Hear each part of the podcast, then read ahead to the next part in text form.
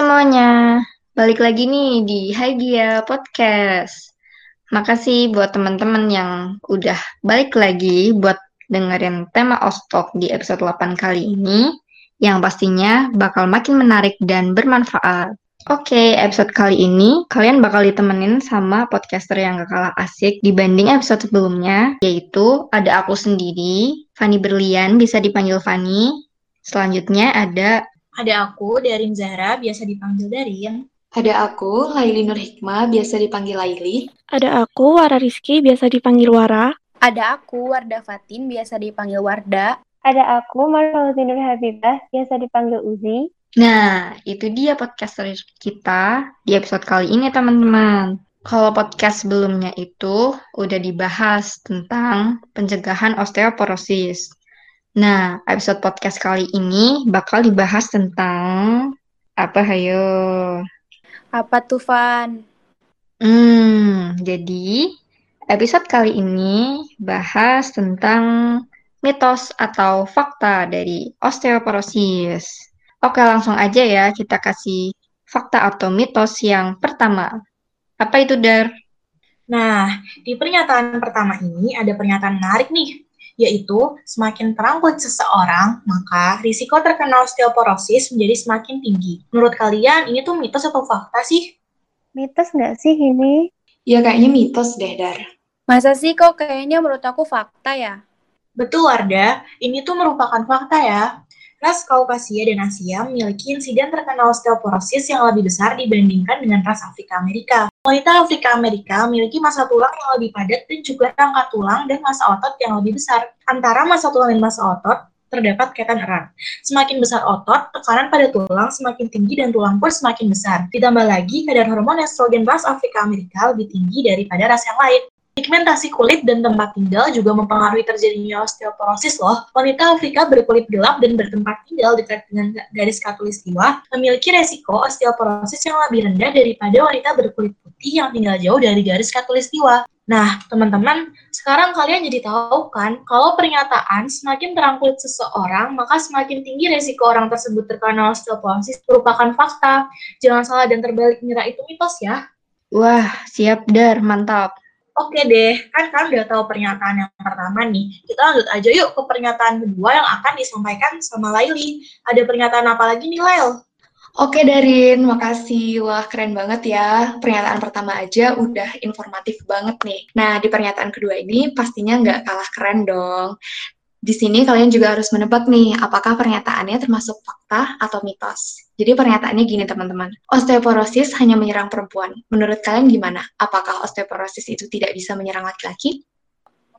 Menurut aku sih ini auto mitos sih, Lail. Iya sih, Lail. Ini mitos sih. Ya kan? Bener banget teman-teman, jadi pernyataan kedua ini jawabannya adalah mitos. Karena pada kenyataannya osteoporosis itu bisa menyerang laki-laki maupun perempuan. Namun, memang rentan perempuan terkena osteoporosis itu lebih tinggi dibanding laki-laki karena ada beberapa faktor yang mempengaruhi. Menurut sumber yang aku baca, begini nih teman-teman faktor-faktornya. Yang pertama adalah karena kadar hormon. Salah satu faktor yang bertanggung jawab atas terjadinya osteoporosis adalah adanya penurunan hormon estrogen sebagai akibat dari proses menopause. Karena hormon estrogen itu memiliki fungsi untuk memproduksi massa tulang. Jadi ketika perempuan menopause, hormon estrogennya tentunya tidak aktif ya teman-teman, sehingga massa tulang juga berkurang. Gitu penjelasannya. Sedangkan laki-laki tidak ada ya teman-teman hormon estrogen. Nah, untuk faktor kedua adalah postur tulang yang lebih kecil. Dan sama-sama tahu nih bahwa laki-laki memiliki postur tulang yang lebih besar dibanding perempuan, sehingga itu juga mempengaruhi jumlah massa tulang yang ada pada laki-laki maupun perempuan itu. Nah, yang ketiga adalah asupan kalsium yang kurang. Selain ketiga faktor itu, ada juga loh beberapa penyebab lain yang sangat familiar di kehidupan kita, yaitu gaya hidup yang tidak sehat, misalnya terlalu banyak mengonsumsi kafein, kemudian juga bagi orang-orang yang merokok, tentunya resiko terserang osteoporosis ini lebih tinggi, terlepas dia laki-laki atau perempuan. Selain itu, ada juga faktor yang nggak kalah penting, yaitu faktor genetik gitu. Nah, di antara kalian, ada nggak yang suka minum kopi? Mungkin yang suka nyambi minum kopi sampai larut malam karena ngelaprak? Wah, itu aku banget nih. Nah, setelah aku jelasin ini, jangan ngelakuin itu lagi ya Uzi, karena kafein itu dapat mengurangi masa kepadatan tulang kita, gitu Uzi. Mungkin kita bisa dari sekarang menerapkan pola hidup sehat ya teman-teman.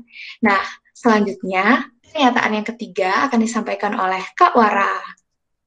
Oke, makasih Lail. Nah, sekarang kita lanjut yuk ke mitos atau fakta yang ketiga. Menurut kalian, osteoporosis hanya dapat terjadi pada lansia itu mitos atau fakta nih? Mitos sih kayaknya.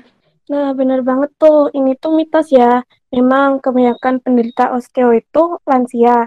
Tapi anak-anak dan remaja juga bisa menderita osteo meskipun frekuensinya sangat jarang. Menurut catatan yang ada pada situs resmi Ikatan Dokter Anak Indonesia, osteo pada anak dapat terjadi karena ada penyakit lain, misalnya rematik di usia muda, diabetes, adanya kelainan genetik pada tulang seperti osteogenesis imperfecta dan sindrom Turner. Nah, osteoporosis ini juga dapat terjadi karena adanya kelainan ginjal, hipertiroid, atau hipotiroid. Osteo juga dapat disebabkan oleh penggunaan obat tertentu, seperti obat kejang pada anak epilepsi, obat kemoterapi pada penderita kanker, serta obat kortikosteroid yang memiliki efek samping pada tulang. Selain itu, malnutrisi juga menjadi salah satu penyebab osteoporosis. Malnutrisi dapat disebabkan oleh adanya gangguan makan seperti anoreksia dan bulimia yang akan menyebabkan kekurangan asupan kalsium.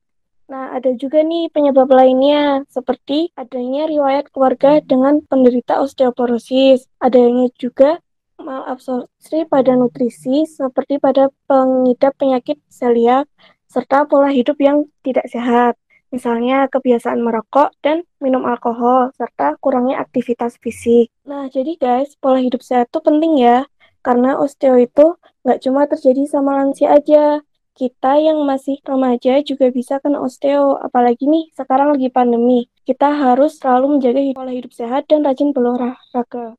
Um, keren-keren, menarik banget ya informasinya Kawara tadi. Kita bisa lebih aware nih kalau olahraga sebentar aja tuh uh, berperan banget buat mencegah osteoporosis. Oke, kita masuk ke mitos yang keempat aja gimana guys? Yuk lanjut. Oke Warda, apa tuh? Kepo nih.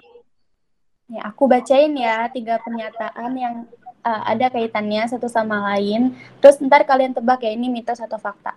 Um, yang pertama, kebanyakan orang tidak perlu khawatir tentang osteoporosis. Kedua, osteoporosis tidak serius. Ketiga, mematahkan tulang tidaklah serius. Dari tiga pernyataan tadi, menurut kalian gimana? Mitos atau fakta?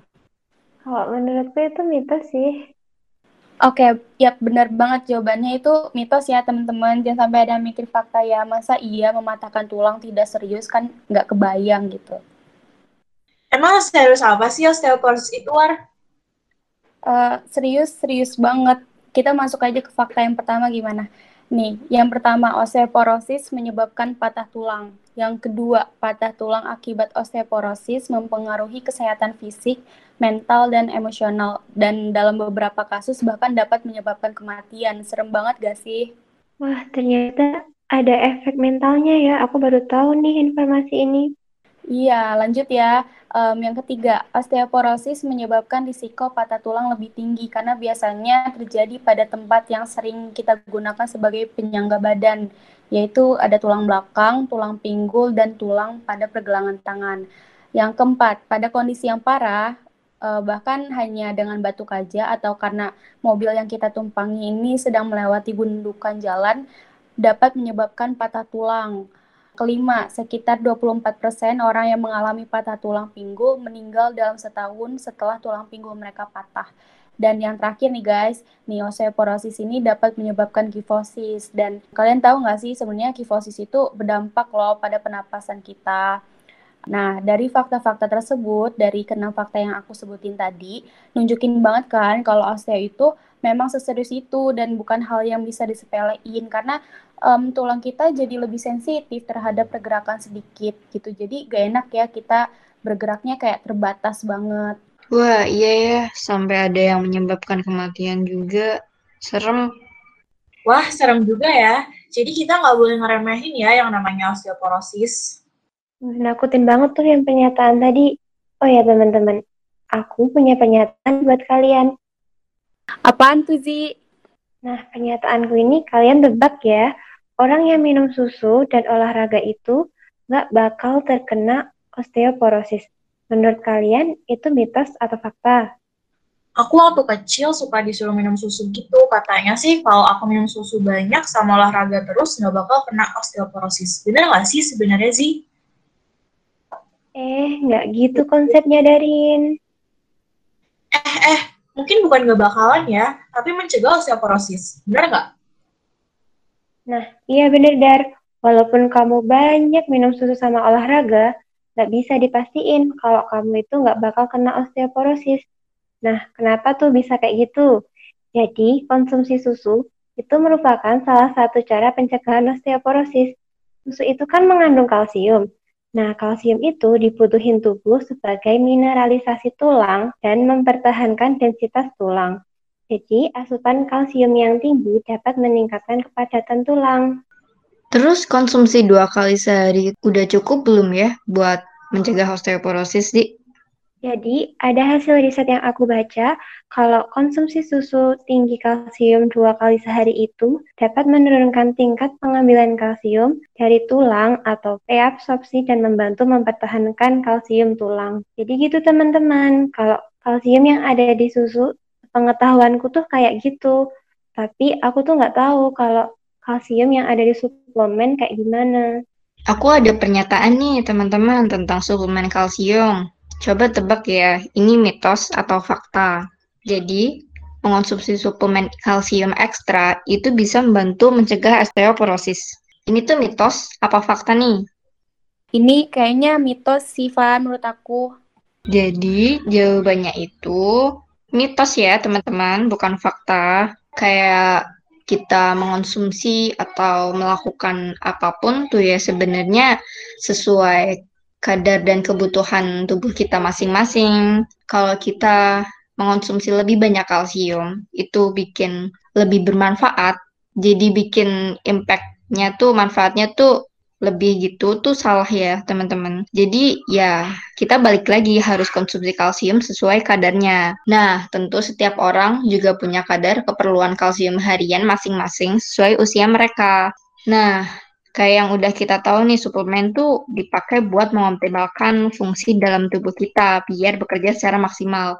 Maka dari itu suplemen ya itu sebagai tambahan buat memenuhi kebutuhan kalsium harian kita.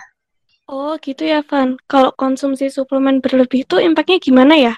Nah, maka dari itu Kak Wara, jadi uh, konsumsi suplemen kalsium berlebih uh, sekitar lebih dari 2.500 mg kalsium per hari itu malah bisa memberi dampak buruk loh bagi kesehatan kita. Contohnya nih, kalau konsumsi lebih kalsium bisa meningkatkan risiko batu ginjal. Kayak dalam observasi studi kesehatan perawat, investigasi terhadap lebih dari 72.000 perawat, itu tuh disebutin kalau nggak ada peningkatan risiko batu ginjal saat konsumsi kalsium melalui makanan dalam jumlah besar.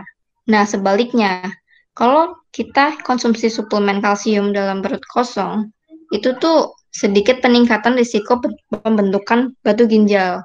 Nah, maka dari itu teman-teman, kita tuh harus minum suplemen kalsium sesuai keperluan dan disesuaikan sama makanan yang kita makan. Wah, asik nih. Kita nambah informasi lagi. Intinya tuh uh, konsumsi suplemen yang berlebihan tuh nggak bikin kita terhindar osteoporosis gitu kan, Evan?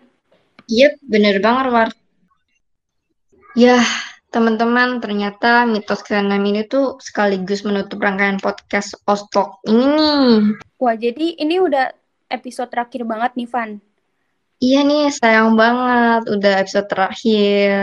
Thank you banget ya buat temen-temen, buat kalian yang udah setia mendengarkan podcast Ostok ini sampai episode 8 kali ini. Harapannya selain kalian dapat informasi lebih, kita tuh jadi lebih aware, lebih meningkatkan kesadaran kita tentang osteoporosis, lebih sadar tentang kesehatan kita apalagi lagi pandemi kayak gini tuh harus tetap menjaga kesehatan meskipun kita lagi sibuk-sibuknya ngelaprak mungkin ya kan teman-teman semua. Semoga ini terhibur banget ya buat asik-asikan aja di sela penatnya tugas yang gunung. Asik lah, pasti harus asik deh kita. Pokoknya enjoy-enjoyan aja ya di sini. Iya, bener banget nih. Oke, mungkin sampai sini aja ya Hagia Podcast episode Ostok kali ini. Pokoknya teman-teman pantengin terus ya Hagia Podcast buat dapetin info menarik tentang kesehatan selanjutnya. Oke? Terima kasih.